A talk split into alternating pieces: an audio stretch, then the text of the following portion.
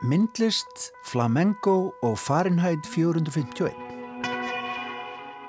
Í vísjá í dag segir Birgir Snæbjörn Birgisson okkur frá síningunni Louder Than Bombs sem finna má í Berg Contemporary Gallery við Klappastíg og hefur að geima verk Birgis og tveggja finskra listamanna Heidi Lampenius og Mika Vaskola. Þórtís Bakmann þýðandi segir okkur frá bókinni Fahrenheit 451 eftir Ray Bradbury sem er bók vikunar á þessu sinni. Þetta er einn þekktasta vísindaskáltsaða 20. aldarinnar en ný íslensk þýðing kom út á dögunum. Svo koma til okkar í heimsókn Reynir Haugsson, flamengo gítarleikari búsettur í Andalúsíu og Jakob de Carmen, söngvari og félagans. Þeir ætla að syngja og leika flamengo tónlist í salnum í Kóboi og víðar um land næstu daga og hver veitnum við getum plata á til þess að taka læð. En við ætlum að byrja á myndlistasýningu úti á Granda. Ég stættir hérna í Kling og Bang í Marsjálfhúsinu út á Granda Hér stendur yfir síning sem að nefnist Sensible Structures. Þetta er síning sem að, já, samsíning í rauninni, þryggja listamanna eða þarna er þremur listamönnum stemt saman. Það eru Kristinn Már Pálmarsson, Bryndís Hrönn Bjarkar og Ragnarstóttir og Ludvig Gösevits sem lest árið 2007, þýskur listamæður. Hann er hjá mér hérna, hann Kristinn Már Kristinn, hvernig kom til að, að þessum þremur listamönnum var svona stemt saman? Já, þetta, þetta er nokkura ára hugmynd sem, sem uppaflega kom uh, frá Elling Klingenberg sem að, að, að það var verið að sína einhver verk Gösevits hérna í Reykjavík og hann sá svo, derka tengingu millir mín og, og Bryndísar rannar og, og, og það var svona, þá fættist þessi hugmynd. Þannig kom þetta til. Þið eru ekki beint að já, hvað ég var að segja, það, það eru hérna við erum með nokkur verk eftir Gösevit sem eru lögð hérna svona fram á, á, á borði. Þið eru ekki beint að vinna eitthvað út frá þessu eða, eða þannig? Þið eru bara að gera ykkar og, og svo er þessu svona raðað saman og, og kannski e, samhengið um, verður til að sjálfu sér eitthvað neginn Já, það, það er svolítið svoleiðis. Þetta er svona svolítið kannski uh, pínu lím í þessu en, en, eh, og ég veit ekki hvernig Bryndís nálgast það en, en við bæði vorum, vorum að lesa Kösifits þegar vorum að vinna þessi verk. Og, ég var að lesa hann og ég, ég þekkt hann ekki fyrr þannig að það var svolítið skemmtilegt að gafa aðeins í það. Og ég fór ekkert meðvitað neitt að, að vinna með tengingar en samt ef hann hefur gert glerverk, svolítið gerði mikla glerverkum. Og ég, ég svona það, það fór að komin í ferli hjá mér, svona einhvers konar glerform, mjög einföld glerform og það er kannski svona ykkur áhrif þaðan sem hafa komið. Einmitt, einmitt. Um, en hvað ert þú að sína hérna? Erum, þú ert hérna með stöndu fyrir framann tvö stór málverk sem eru svona í þessum stíl kannski sem að eh, margir eru kannski farnir að kannast við frá þér. Það er mikið af formum uh, komið fyrir á hvítum fletti í miskonar tákn kannski jafnvel þetta svona, maður fyrir að ímynda sér hvort það sé eitthvað tungumál í gangi þarna hjá þér. Já, þetta, þetta er orðið, þetta er tungumál út, út af fyrir sig. Já, þetta er, þetta er svolítið sko snýr að uh, sjálfu ferlinu, ferlinu líka og, og reglum. Og, og, og ef maður skoða listamenn að flest, flestir, ef ekki allir listamenn þurr setja sér einhverja reglur. Þurr verða að gera það. Og ef þeir eru ekki að vinna með segjast ekki verið að vinna út frá einu reglum og þá er það reglan, þannig að það er alltaf reglur. Mm -hmm. og mér finnst þetta svolítið áhugavert. Og ég er sjálfur svona hef svolítið skoðað þetta líka. Ég set mér uh, marga reglur og, og, og ég byggja þetta upp út frá alltaf þessu reglum þangar til að ég get farið að, að brjóta þessar reglur. Þannig að ég býtir reglu til þess að geta brotið hann. Getur þú nefnt dæmi um reglu sem þú setið þér? Sko það, það er bara ég veit ekki hvað að byrja sko. Ég menna ég uh, það er rosalega erfitt að setja þetta, þetta er svo tengt hugrannu ferli að ég veit eiginlega ekki hvort ég get, get samt, eða hvort ég vilja það heldur sko. þetta er líka svolítið leindamál Já, En hvað hérna, til dæmis eins og, eins og þetta verk sem er svona, það er mikið að rauðum formum, það eru svona, það eru, hvað, hvað heitir þetta, trapísur og ímislegt og, og, og svo eru svona texti hérna stendur, ringdu á einum stað, einmitt á öðrum og þetta eru svona ímiskonar nánast eins og verur líka. Hvað hérna, hvað er þetta að gera? Já, komum við aftur að, að aðferðafræðinni, að, að ég, ég sko reyna að taka, ég vinn með uh, þrjá svona grunnmiðla, ég, ég nota uh, hérna þetta hefðbundna pensil og mála svolítið þannig. Og svo er, er annars vegar líka mikil teikning og svo spröyta ég. Og þetta eru þrjár aðferðir sem skapa kontrasta í verkinu. Og svo hérna er ég með allar þessar ímyndir og, og form og, og, og tákn og það er eitthvað sem ég hef verið að byggja upp bara gegnum árin en líka bara eitthvað sem kemur og er í, í, í huganum á okkur öllum. Við erum öll hlaðinn af, af eh, hérna, ímyndum alls konar ímyndum.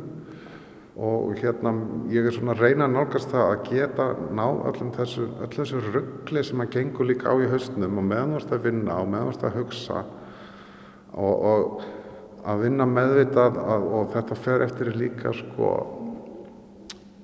bara hvernig skapi mm. hvernig skapi maður er í og, og að, að þú veist hvernig get ég nálgast eitthvað frumlegt sem kemur beint frá mér og til þess þarf ég kannski að, að vinna út frá ákveðnum reglum mm -hmm. og, og vinna mig kannski frá þessu meðvitaða yfir í eitthvað ómeðvitað sem er þá, kemur þá svolítið mikið kannski hlýtar að koma úr minnisheilanum, eitthvað, eitthvað svo leiðis. Mm -hmm.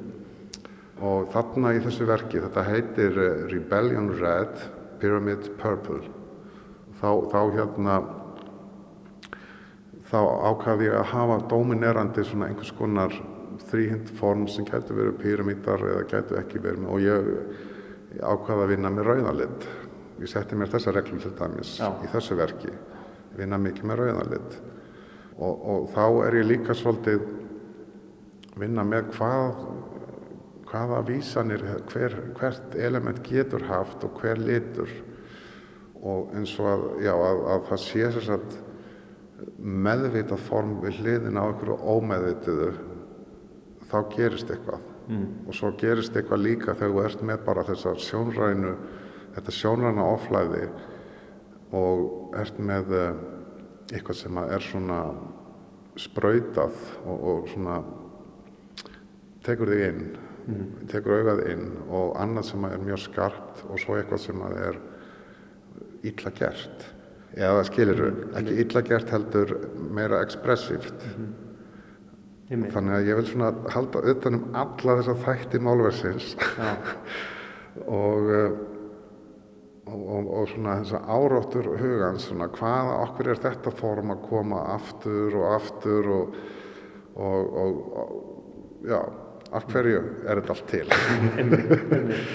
einmitt en, en það er náttúrulega skemmtilegt þetta, þetta oflæði sem við erum náttúrulega kannski orðin vissulega hátt svo vörn í, í nútímanum sem er svo oflaðinn um, en, en já, allir, en hlutinni renna einhvern veginn ekki saman eða þeir eru sjálfstæðir en, en renna svo náttúrulega saman í þessari heild sem, að, sem að verkið er náttúrulega. Svona það þarf að dansa svolítið fyrir augað sko, ég vil ekki ég er svolítið svona að reyna að, að fá augað til þess að virkilega fara á ferðalag milli formana þannig að það kemur svona einhvers konar eins og glit, mm. geimstjarnin glitrar eða eitthvað nema mm. neistar hér og þar svona sjónræna áhrifinu er svolítið það sem ég er að leita eftir líka mm. og svolítið mikið partur að þessu þannig að það er bæðið þessi tákræni heimur og þessi sjónræni og þessi absúrdíski kannski sem, sem að er gríðarlega mikið vegar og hvernig, get, hvernig get ég nálgast þessa absúrd klið á mér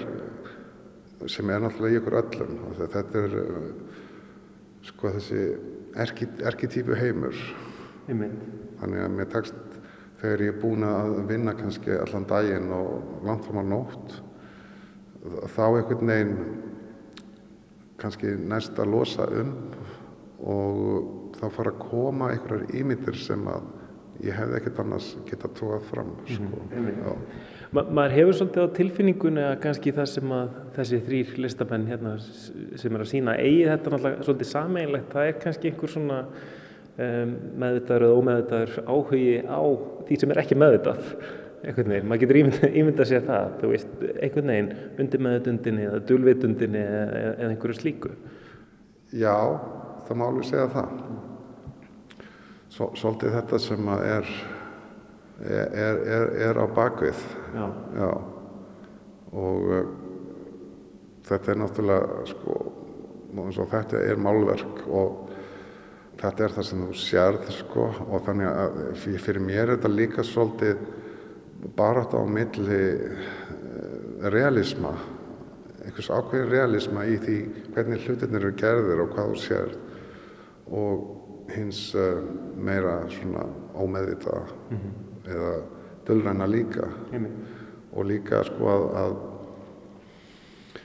ég blanda saman ímyndum sem að mað, ég hef kannski sapnað bæði í minnið og, og líka sem að ég finn bara og, í rannsóknarvinnu mm -hmm. og, og frá úr sögunni frá miðaldum og frá einhverjum missum tímabilum sjönda áratöknum eða eitthvað og svo samtímanum þannig að allir þessi tímar sé að tala saman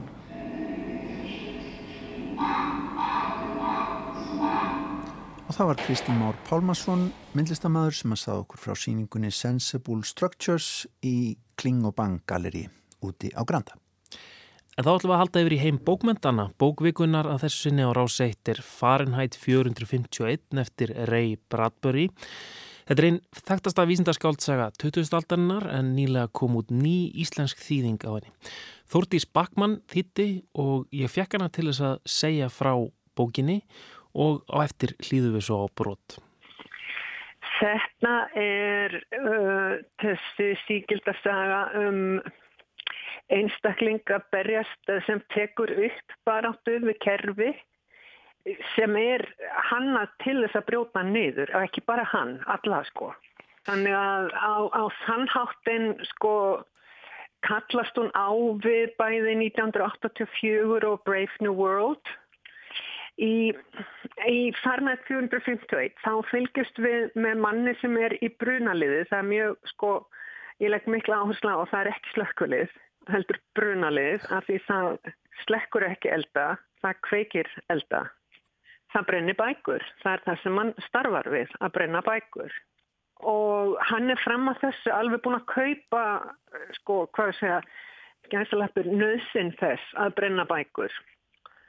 Og, og slökkvælistinu að brunalið stjórin, hann er mjög svona, hann er með, hann er með tilbúna sko ræður, langa ræður um nöðsinn þess að brenna bækur. Þessi maður, Guy Montag, hann hittir stúlku í næsta húsi sem fyrir að tala með hann. Hún er eina mannskan sem hann hefur hitt í mörg mörg ár sem er ekki dofin af svona, hvað ég segja, neistlu samfélagsmiðla og konan þessi til dæmis, hún er bara, þú veist, hún er blind og hirtnalega skakvart öllu öðru en því sem er á skjánum og vinkunur hennar sömu leiðis. En hann hittir þessa stúlku og hún, hún hefur bara mikil áhrif á hann mjög mikil, hann fyrir að hugsa öðruvísi. Og hann hérna stilur einni bók á vettfangi og við sílikur já, hvað, allir ekki bara döðrafsing, allavegna hörðrafsing, það er ekkit vægt tekið á slíkur og það sem hefur svona sérstaklega mikil áhrif á hann, það er svona snem í bókinni þá, þá uh, fara þeir að kveika í húsi konu sem hefur verið það hefur verið sagt til hennar. Er svona mögulega að koma nafnlausum ábundingum á framfæri, viljaurgluna. Það séu pottett bækur á hóloftinu hjá henni. Þeir fara, þeir kveiki húsinu og hún neytar að fara. Gamla konan sem á húsið, hún neytar að fara. Hún vil freka brenna inni með bókunum. Og þetta slæðir hann bara svo óbástlega og hann fyrir að reyna samfara konuna sínum að veist, það hlýtur að vera eitthvað í bókum fyrst að fólk gerir svona og, og hún er alveg hörð á hinnilínunni já, ekkert nema bull og einhverja, uppspunnið og, og veist, tengist á engan hátt okkar daglega lífi. Annars fyrir mér sko þá er söguð þáðurinn eitt en bókin er að verða sjötug. Hún er svona eiginlega orðin takkrænt fyrir mikilvægi læsis og lesturs. Af því þú hefur það annars vegar að vonandi hafa sem flestir læsi og lestur uh, sem svona eins konar mótvægi við sjónræna menningu og svona hvað ég segja þetta vissa algleimi eins og til dæmis tökum orði hámhorf en þá er það samt, það er vist dóp þannig, það er vist algleimi en já, mér langar til að segja eitthvað fallegt um Ray Bradbury ef ég má. Sko, þetta er annað verki sem ég þýð eftir hann. Hitt var, uh, já, ekki eins og handritið, minnskritti maðurinn og var lesið ára á seitt mm. af Hjalta Rökkvaldsinni og mér fikk svo væntur reybraðbur vegna þess að það er þessi orðkingi og það er þessi teksti sem flæðir áfram eins og stórfljót. Og sko þann verður einhvern veginn svo áreinslulegs og sumstaðar er hann eins og ljóð en myndirnar sem hann dregur upp þær eru svo blúsandi og brennandi og sko hann er mjög fljótur að koma sér að efninu í sögunum. Hann, hann eigðir ekki miklu púðri en þó nokkru í lýsingar. Uh, hann notar aðgengilegan orðaforða svona alla jafna en það sem að sko var mest heillandi við að klára þessa núna það er hversu skelvelega nálagt sannleikanum hann er eins og þessi, eins og þessi hefðun milli og, rauninni allra eiginkvennana í bókinni að hún er bara, bara sveppgenglar. En sko, það sem 84 og, og 451 eiga saminlegt líka, það er þetta þjóðfélag sem er, e, er gegn sírt af refsingum og eða hraðslunni við refsingu. Og, og, og sko þú veist að sjóhetjan veit alltaf alveg frá byrjun að ef hann ætlar að þú veist lita út fyrir línutnar þá mun hann verða refsað. Montag skoðaði spilin sem hann var með á hendi.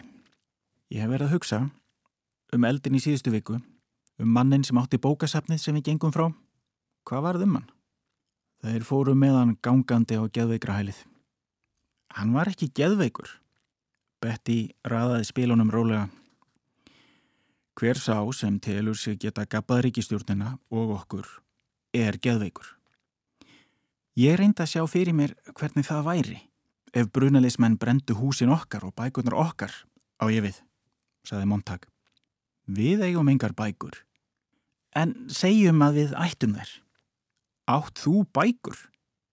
Betty deplaði augunum hæglátlega. Nei, Montag leita á vekkin með velrituðu listana yfir miljón bannaðar bækur. Tittlarnir hurfu í eldhafið, brunnu ár eftir ár undan auksinni hans og slöngunni sem spröytið ekki vatni, heldur bensíni. Nei, nú fór þó kaldur gustur um huga hans, blés mjúglega úr loftræsti ristinni heima og kældi andlit hans og aftur sá hann sjálfan sig í grænum gardi á tali við gamlan mann, fjörgamlan mann og gusturinn í gardinum var líka kaldur. Montag higgaði. Var, hefur þetta alltaf verið svona? Brunastöðvarnar, störf okkar. Ég meina, einu sinni var, einu sinni var, hussaði Betty. Hvers konar bull er þetta eiginlega? Bjáninn, hugsaði Montag, þú kemur upp um þig. Í síðasta bruna hafðan litið á staka línu í bók með ævintýrum. Ég meina, sagðan, í gamla daga áður en hús voru alveg eldtröst. Skyndilega var eins og miklu yngri rött væri að tala fyrir hann. Hann opnaði munnin og það var Clarice MacClellan sem talaði. Slögtu brunalegismenn ekki elda í staðis að kveikja þá? Það er aldrei lis. Stoneman og Black dróðu fram reglugjörðarbækur sínar sem einnig voru með útdrátt úr sögu bandarískra brunaliðsmanna og lögðu þær þar sem Montag að lesið, þótt að væri velkunnugur þessum klausum. Stopnað 1790 til þess að brenna ensk sinnaðar bækur í nýlendunum. Fyrsti brunalismæðurinn Benjamin Franklin. Regla 1. Svara útkalli þegar í stað. Regla 2. Kveikja eldin þegar í stað. Regla 3. Brenna allt. Regla 4. Snúa samstundis aftur á stöðina. Regla 5. Vera búin undir önnur útköll. Það var Dagur Gunnarsson sem las þarna brot úr bókinni Fahrenheit 451 eftir Ray Bradbury sem að er bókvikunar á ráseitt að þessu sinni en í þættinum á sunnudagsmorgun ræða þau Sindri Freysson og Dagbjörn Kjartansdóttir. Bókina við mig. Já, það er fallit aðeins. En uh, annar mál, uh, við ætlum að fara út í bæ og skoða aðra síningu. Við vorum út að granda hér rétt aðan, núna ætlum við að fara neyra á Klappastík í Berg Contemporary. Það er núna uppi síning sem heitir Louder Than Bombs og þar er Birgir Snæbjörn Birgisson, myndlistamæður á ferð eitt þryggja listamanna. Hann með sín viðkvæmslegu og daufu málverk. Ég hitt hann í galerínu og spurðan fyrst út í samverkafólkið sem kemur frá Finnlandi. Það er heiti Lampenius og Mikka Vaskóla sem ég hef nú þekkt í nokkuð tíma við höfum öll verið að sína hjá uh, sama gallerín í Helsingi ég hef uh, sínt einu sem náðu með heiti en aldrei með honum mikka en við höfum í rauninni dáðstaverkum hvors annars í nokkur ár og uh, þau eru sko, þau eru hjón þau eru búin að vera núna heiti fekk útlutað þryggja ára residensíu uh, út í skói rétt hjá Tamessari eða Ekenes upp á sænsku finskuna. Þar eru þau búin að vera og henni var heimilt að bjóða listamanni til samstarfs og það varð ég. Þannig að þetta er raun orðið núna já, eins og hálsárs svona uh, samstarfsbyrjuðum strax í byrjun síðast árs 2018 að kasta millir hugmyndum spurningum, hugleðingum og, og hérna það var einhvern veginn sko þegar við ákváðum samstæri það var kannski ekki alveg komið þemað en það varð og fljótt svona augljóst í okkar huga að, að það erði um já, þögnina og jafnvel minningar. Ég held að við höfum öll svona ljóst og leint verið að nota þögnina sem að já, við getum sagt ákveði vopn í, í miðlun okkar verka eða hún hefur byrst svona sem stert element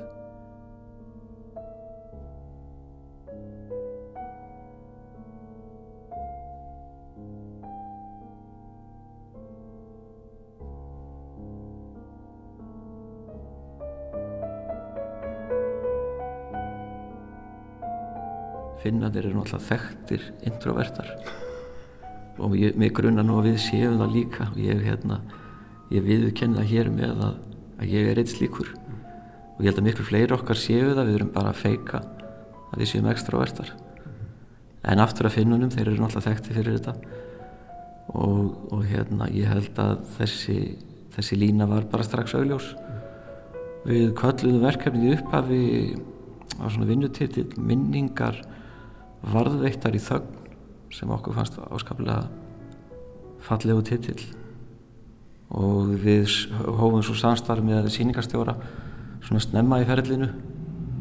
Og það er eh, síningarstjóri sem við höfum öll starfað með áður og ég til fjölda ára. Míka Hannúla heitir hann, annar finni. Og þegar hann heyrði vinnutitilinn þá sagði hann þetta er ekki alveg nógu sexy sko við þurfum aðeins að poppa þetta upp og síningin heitir já, háværar en sprengjur eða Láterðan Bóms Eitthvað kunnulegu titill. Kunnulegu titill, þetta er náttúrulega smiðsplata og ég veit að Míka Hannúla það er alltaf einhver tónlistatenging í tillum hjá honum. Það var nú líka bíómynd sem hétt þetta sem ég manna var mjög fín. En jú, þetta er sko þó svo að ganga hérna inn í salin er þetta náttúrulega úðalega þögult. En þögnin getur ærandi og eins og við í rauninni höfum talað um hana í þessum hugleðingum okkar að þá getur hún verið í rauninni bæði statement og hún getur náttúrulega verið alveg sko svakalett botn mm -hmm. við höfum öll lendið því með þess að fá það sem að kalla það silent treatment já, já, frá okkar nánustu og það er ekkit gaman að lendi í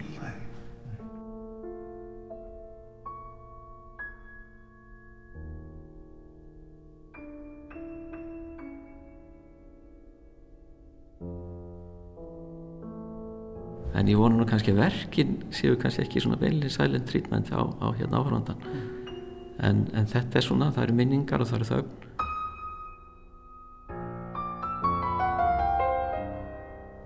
Og það er í rauninni sko, ég hef svona verið að líka velta fyrir mér og það kemur nú fram í texta líka að þetta er í rauninni svolítið bara um samskipti. Þetta er um það hvernig við komum fram við hvort annað mér finnst þetta líka vera um í rauninni hvernig við bara upplifum hluti mm -hmm. og hvernig við eignumst minningar og hvernig við varðveitum þar mm -hmm. og aftur að þessum vinnutilli minningar varðvittar í þau það var eitt sko, það var eitt af fyrsta sem við gerðum þegar að við unnum saman sko tvo mánuð á síðast ári út í Finnlandi að þá var það held ég bara fyrsta ennan daginn að við settumst bara niður og við myndumst öll einhvers og varðveittum bara þá minningu í þögn og það er í rauninni sko, mér finnst áhugavert að staðan í dag er í rauninni orðin svolítið þannig að við erum sko, ég myndi bara segja við erum svolítið hægt að upplifa. Við hérna stöndum frammi fyrir einhverju sem okkur finnst áhugavert. Við náttúrulega grípum í tólin og tækin sem við erum með síman við smellum mynd af atbyrðunum eða upplifunni og deilum henni og sko sterkasta upplifun held ég hjá mörgum í dag er í rauninni er í, í rauninni sko já, upplýsingar í formi mynda sem að fólk fær sendt frá öðrum. Mm -hmm. þetta finnst mér mjög merkilegt sko. Það er náttúrulega búið að tala um það og skrifa heil mikið um að já stafræna ljósmyndin sem dæmi þá að tala um að hún hefði verið með þess að verið bara fundin upp til þess að hjálpa okkur að gleima en hvert, hvert erum við þá komin? Og hvert fara allar þessar deildu upplifanir og, og hérna já nýfengnu minningar okkar. Og hverra verða þær? Og hvernig er þær varðvittar hvað hérna kemur æklátt skýið lengi til með að geta tekið við sem dæmi? En ég er ekki sko það má ekki miskiljast, ég er ekki ansvarinn maður hérna tækni og nýjunga. Samfélagsmiðlandir eru til margs nýtsamlegir, ég reynir reyndar að vera með sem minnst netspór sjálfur en það er ekki vegna haturs míns á þessum miðlum, það er frekar að ég veit bara, ég er því jafn upptekinn og háður þessu eins og eins og verður flestir rótun í dag. Það glindist að hanna þannig handbremsuna í þessu öllu saman.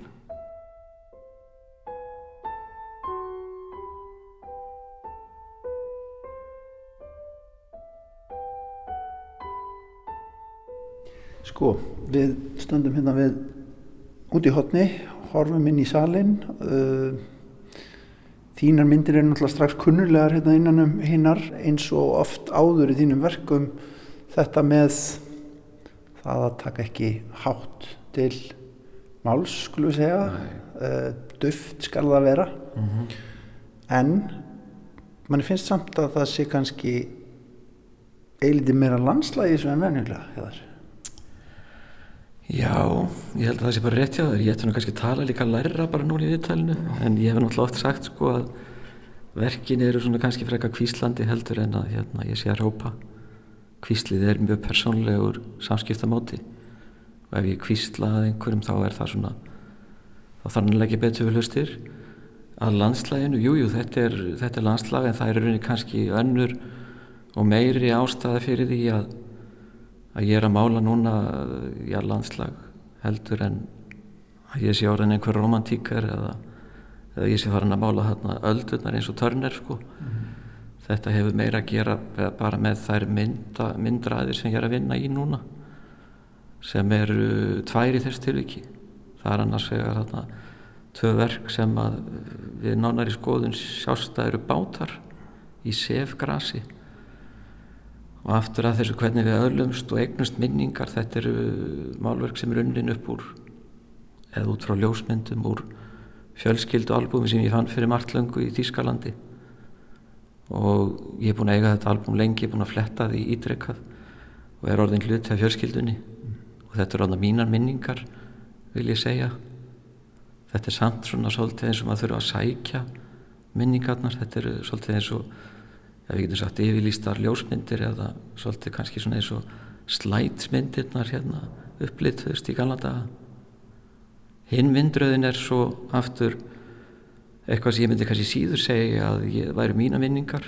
Þar er ég að vinna með ljósmyndir amerísks ljósmyndara Harriet E. Huntington sem gaf út bók 1941 sem að heiti Let's Go to the Seashore.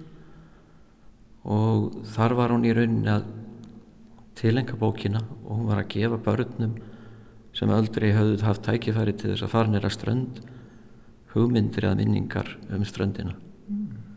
auðvitað eigum við náttúrulega vel flest hérna á Íslandi okkar minningar um strönd en mér fannst þetta ákallega svona fallegt markmið hjá henni en svona í grunninn kannski áhugavert hvort að við getum já, gefið hvort að eru minningar upplifanir og það tengist þá aftur því sem ég var að segja áðan með miðlun og, mm -hmm. og hérna varðeislu og hvað við gerum úr menningunum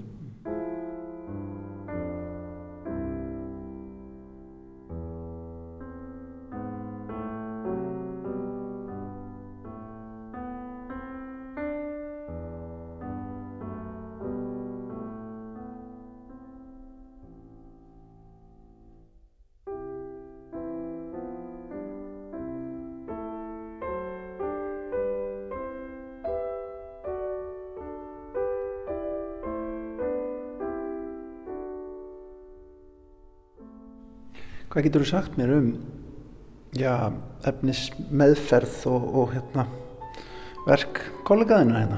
Já. Það var það sem ég fannst alltaf svolítið áhugavert bara þegar ég sé verkið er í, svona, í fyrsta skipti að, að hérna maður gerir sig grein fyrir það er ofsalega svona ríkt líkamlegt ferli sem er búið að eiga sér stað en verkinu eru samt eitthvað svo kyrr og rauninni sko það er svo mikið þögn í þeim svo við komum nú enn og aftur að því þrátt fyrir hávært sko vinnuferlið. Mm -hmm. og ég held ég sé ekki bróð þenni trúna þeirra en þau eru að vinna á nokkuð ákveðin hátt. Ef við tökum mikka vaskóla sem dæmi sem er hérna með stór stóra stryga sem eru ekki settir á blindrama þegar þetta eru svona hérum vil eins og skinn.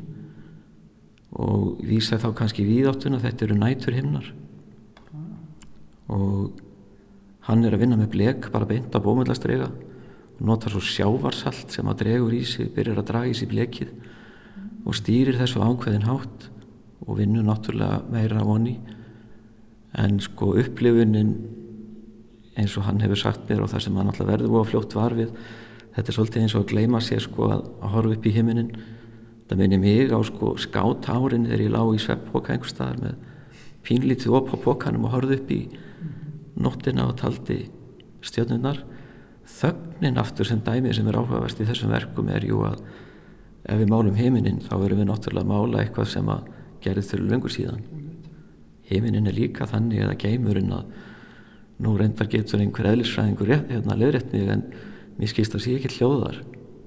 Þrátt verið í sko hérna space myndunum þá, þá springa gameskip með háaða en það er ekki hljóð þetta er allt feik ekki í hafi, opnu geimhafinu nei. En hún?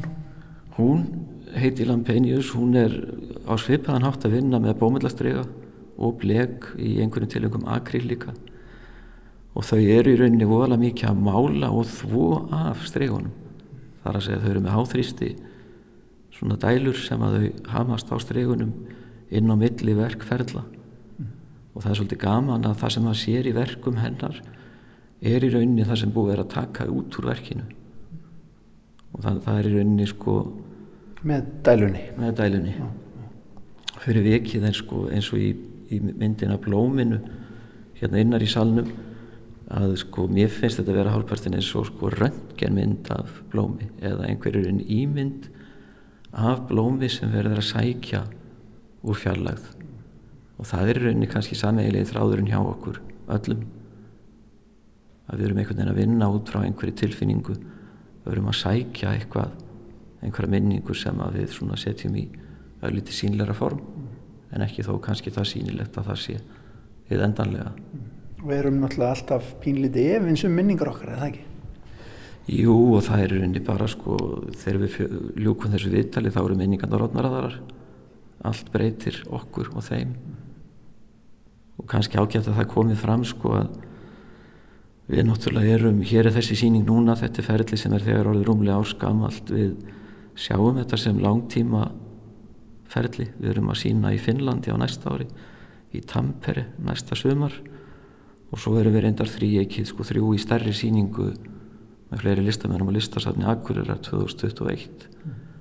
Þannig að ég er ákvæmlega ánæður og stoltur af því að þetta er hérna, þetta gott og, og farsælt samstarf nú þegar orðið.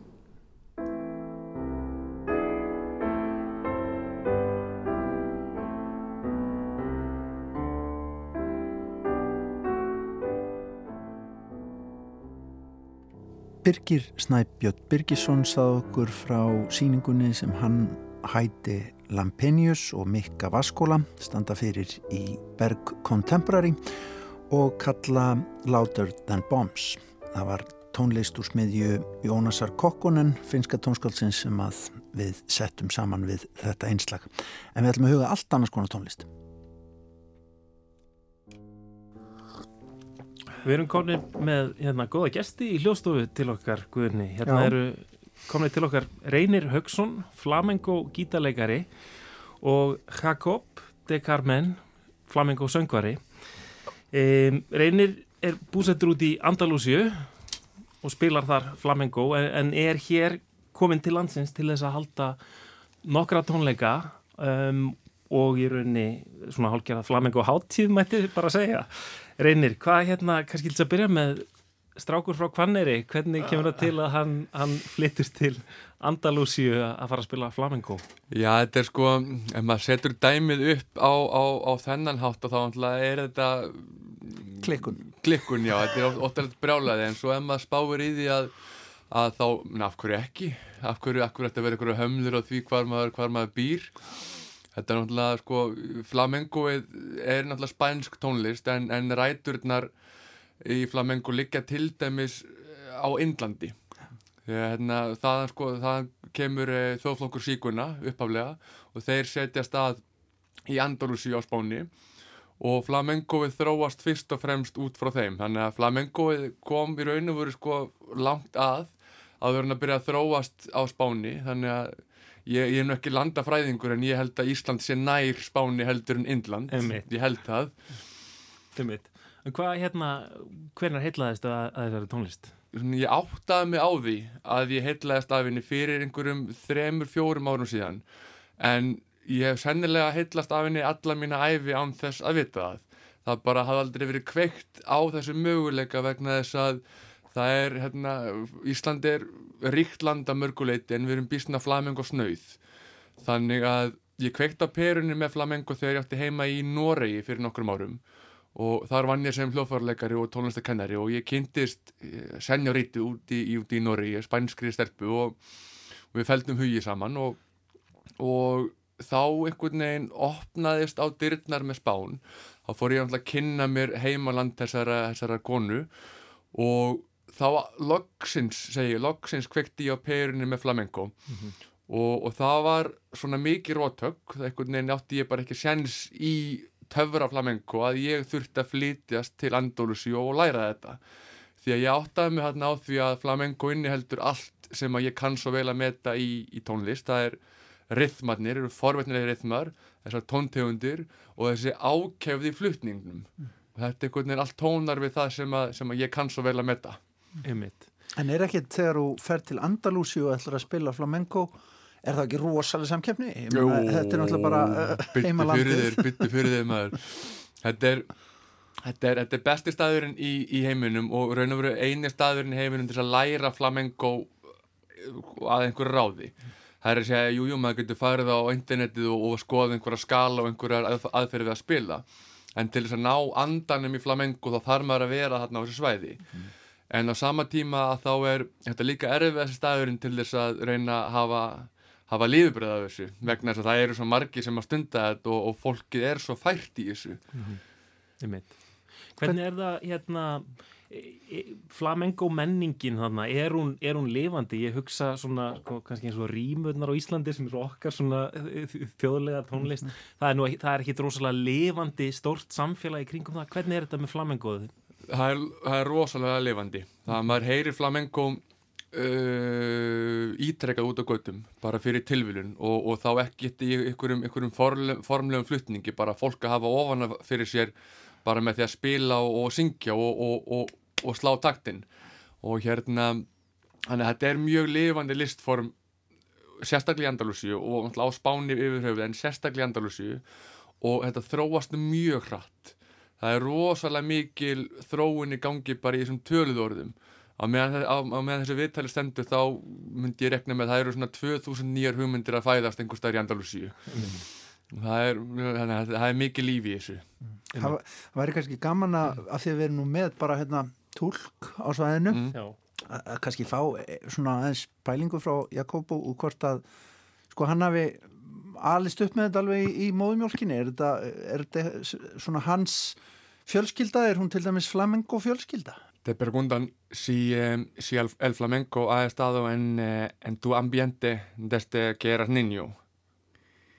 Desde que nací, desde que nací porque mi madre canta un poquito, no profesionalmente, pero, pero ha sido buena aficionada. Mi padre nació y se crió en el Albaicín y desde pequeño he escuchado esa música en mi casa y en las fiestas, en las celebraciones, en las bodas, en los bautizos, pues siempre lo, lo acompañábamos con esta música. Entonces desde que tengo uso de razón he escuchado flamenco en mi casa.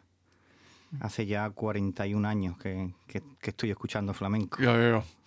Án nokkus vafa greinlega heyrmaður. Án nokkus vafa, já, frá, frá fæðingu þá hefur hann verið, að, þá hefur hann sko, verið meðveitaður um flamenco og móður hans er söngkonna og, og syngur flamenco. Pappans fættist í Albæþín hverfinu í Granada sem er, sem er eitt mesta flamenco hverfið. Og eins líka í, sko, í fermingum, skýrnum, almennum, almennum mannamótum að þá er þá er spiluð, spilaður einhverjir stílar af flamenco, bara þegar fólk kemur saman og er að hafa ofana fyrir sér. Bara rétt eins og þegar við mætum í gítarparti og, og Bjartmar Guðljósson er tekin að þá er tekin einhver stíl í flamenco aðeins meira sérmennandi kannski. Um, Já, sínir skverjum það sko fyrir, fyrir okkur er þetta mjög exotílt skiliru en, en ég meina ef, til dæmis ef, ef, ef við komum saman í parti í Andalusi og við tökum tröstan vinn eftir, eftir Jóhann að þá hérna fólki mun finna stað framandi og skemmtilegt. Vissulega, vissulega. Sko það eru margir sem þekkja náttúrulega líka bara flaming og dansin er, er það ekki svolítið svona stór hluti af þessu? Jú, sko sko si estás de acuerdo que en el principio vino el cante de flamenco que el, el origen de, de flamenco El origen de todas las músicas el primer instrumento que existe en el mundo, en toda la música, es la voz humana. Ese es el primer instrumento. Antes que ningún instrumento, el primero es la voz humana. Entonces, en el flamenco y en toda la música, el primer instrumento es la voz humana. Claro. Man, mannsröttin er aðladriðið Já, mannsröttin náttúrulega, hún, hún byrjar þetta eins og með hvaða, hvaða tónlistastíl sem er. Að, að, að fyrst byrjum við að syngja vegna þess að mannsröttin eins og hann er að segja okkur er fyrsta hljóðfærið. Þannig að upphaf flamenco eru flamenco söngvarnir og það er einmitt það sem við erum að fara að spila fyrir Íslandinga núna á næsta dögum, hérna ég og, og mér kompæ, Jakob, mm -hmm. að hérna og, og en eins og þú segir, dansin er þekktastur af flamenco. Og það eru margir sko fyrir utan spán sem að, sem að vita ekki að flamenco sé tónlist, heldur þekkja bara dansin en dansin, kem, dansin í þessari mynd hann kemur í raun og veru inn seinast af þessum þremur þáttum flamenco, það er fyrst kemur söngur, söngurinn svo er það gítarleikurinn og það er spænskur gítar sem er notaður við það að, að spilundir mm -hmm. og svo þessi dans sem við þekkjum í þessari mynd í dag eins og með söngin sko, að, til dæmis við í Íslandi við, við tölum ekkert mikið spænsku þannig að við skiljum ekki textan þannig að við tengjast honum síður heldur en manniski sem er að nota sín eigin líkama, sín eigin líkamstjáningu við það að tólka eitthvað. Þú sérð hvað, hvað dansan er að meina með dansinum, sko, hvort þessi verið að tólka gleði, mm. þjáningu, ástafsvar, hvað sem það er. Þetta er tilfinningarík tónlist, það er verið að syngja um ástur og öllug, alveg bara blæðandi hjertasvar og með gödunum. Já, já, og, og líka bara skilur bara... Daglegt líf. Daglegt líf, þetta er einhvern veginn dekkar bara allt saman. Þetta eru, í grófri flokkun eru stílar flamenco 35 í nákvæmri flokkun eru þeir 1000, 2000, 3000 ég, ég veit það ekki, þeir eru óteilandi ah. og, og allir þessi stílar eru með mismunandi æri, mismunandi anda. Og, og, hérna, og, og, og það er að leiðandi mismunandi umfjöllunarefni. Sumir söngvar fjalla um dauðan aðeir um, um almenna gleði og hamingju, giftingar, fæðingar og sungi mikið um, um sjómenn líka í einum stíl þannig að það er bara svona hérna, Allt mögulegt til. allt mögulegt, bara hvað hva, bara, það fyrir eftir hvað er í þínu umhverfi skilur Hvað ætlið þið að syngja fyrir okkur? við ætlum að taka fyrir ykkur sjómannarsöngva Já, Já, flamenco sjómannarsöngva þetta er í stíl sem er nefnist Alegrías. Og Alegrías kemur frá Katið sem er hérna, sem er uh, sísla í Andalusíu og uh, hún liggur, Katið sísla liggur að Allandshafinu og það er mikið, mikið verið að fiska þannig að margir söngvar Alegrías fjalla um sjómennsku og hérna og lífið á höfninu og svona mávurinn á múkin og allt þetta Fáum að herra það. Já, og við ætlum að enda þetta hérna með lægi frá þeim Reyni Haugsinni og Jakob de Carmen sem að verða víðsvegar um, um landið í rauninni má segja, þeir verða í salnum í Kóboi um, um helgina 2005 og 2017 Já. um, en svo verðið með þrennan tónleika núna áður, eða ekki? Jú, í kvöld þá verðum við í landnámseturinu í Borganesi og klukkan hálf nýju svo á morgun klukkan nýju þá verðum við hérna í Reykjavík í Mengi. Og á fimmtudaginn þá verðum við í heimabæ mínum Hvanneri, á Hvanneri pub. Og það er nú svo staðir sem ég held að Flamengo hafi hvað verið oftast flutt á Íslandi. Já. já, Vakka, vakka flamengo. Vakka Flamengo á Íslandi, já. Við skulum fá músík. Heyrum sjómana flamengo Já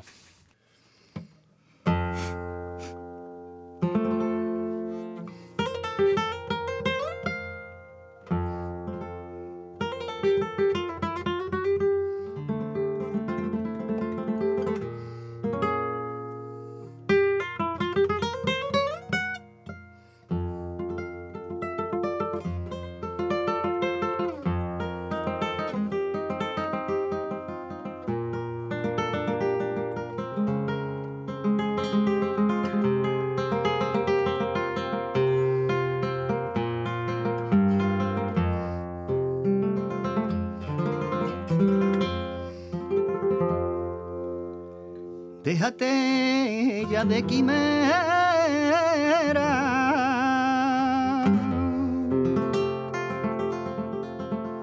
Que yo ando loco por acariciar tu piel.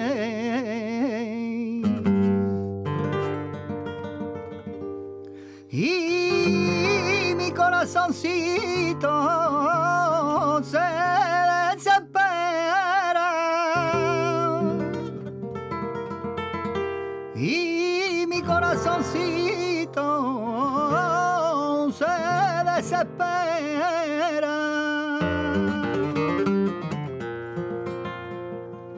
no desea otra cosa que no sea amarte. Son tu hazaña, son tu hazaña.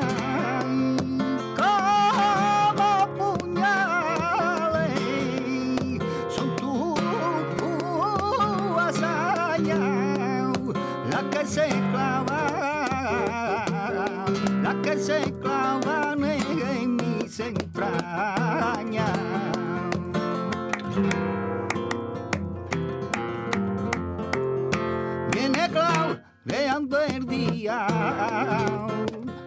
no termina la fiesta. Viene claudeando el día, que yo me acuerdo de mi prima la pela, templarse por alegría. Tran tran tran tran, tarata tran tran tran, tiriti tran tran tran tran, tarata ta tara tara ta ta tiriti tran tran, tarata tran tran tran, ay, tiriti tran tran tran tran, tra tra tran, tran tran tran tran tran tran.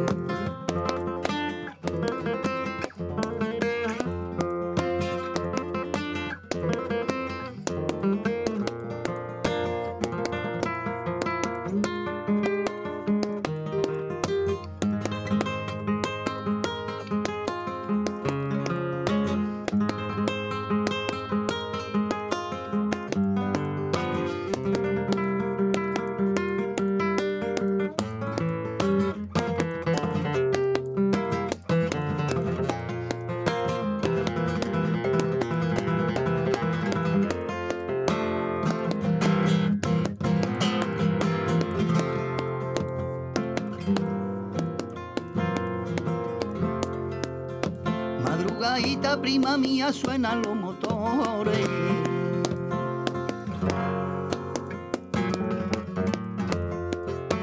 Marineritos dejan sus casitas y dejan su amor. Salen.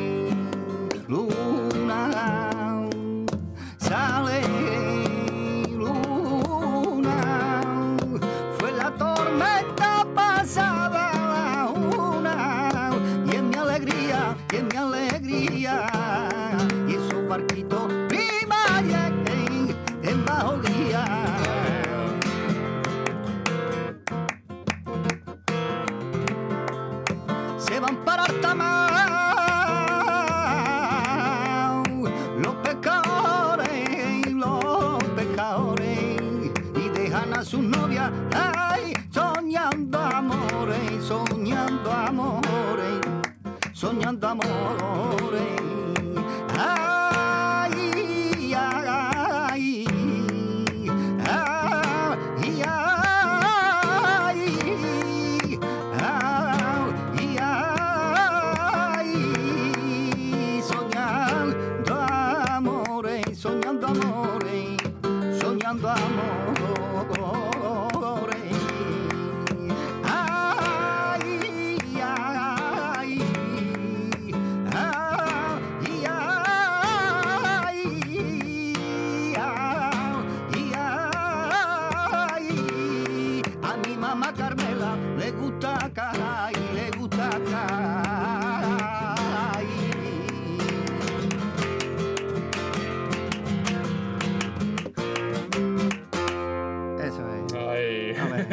Ahora mi primo Reini.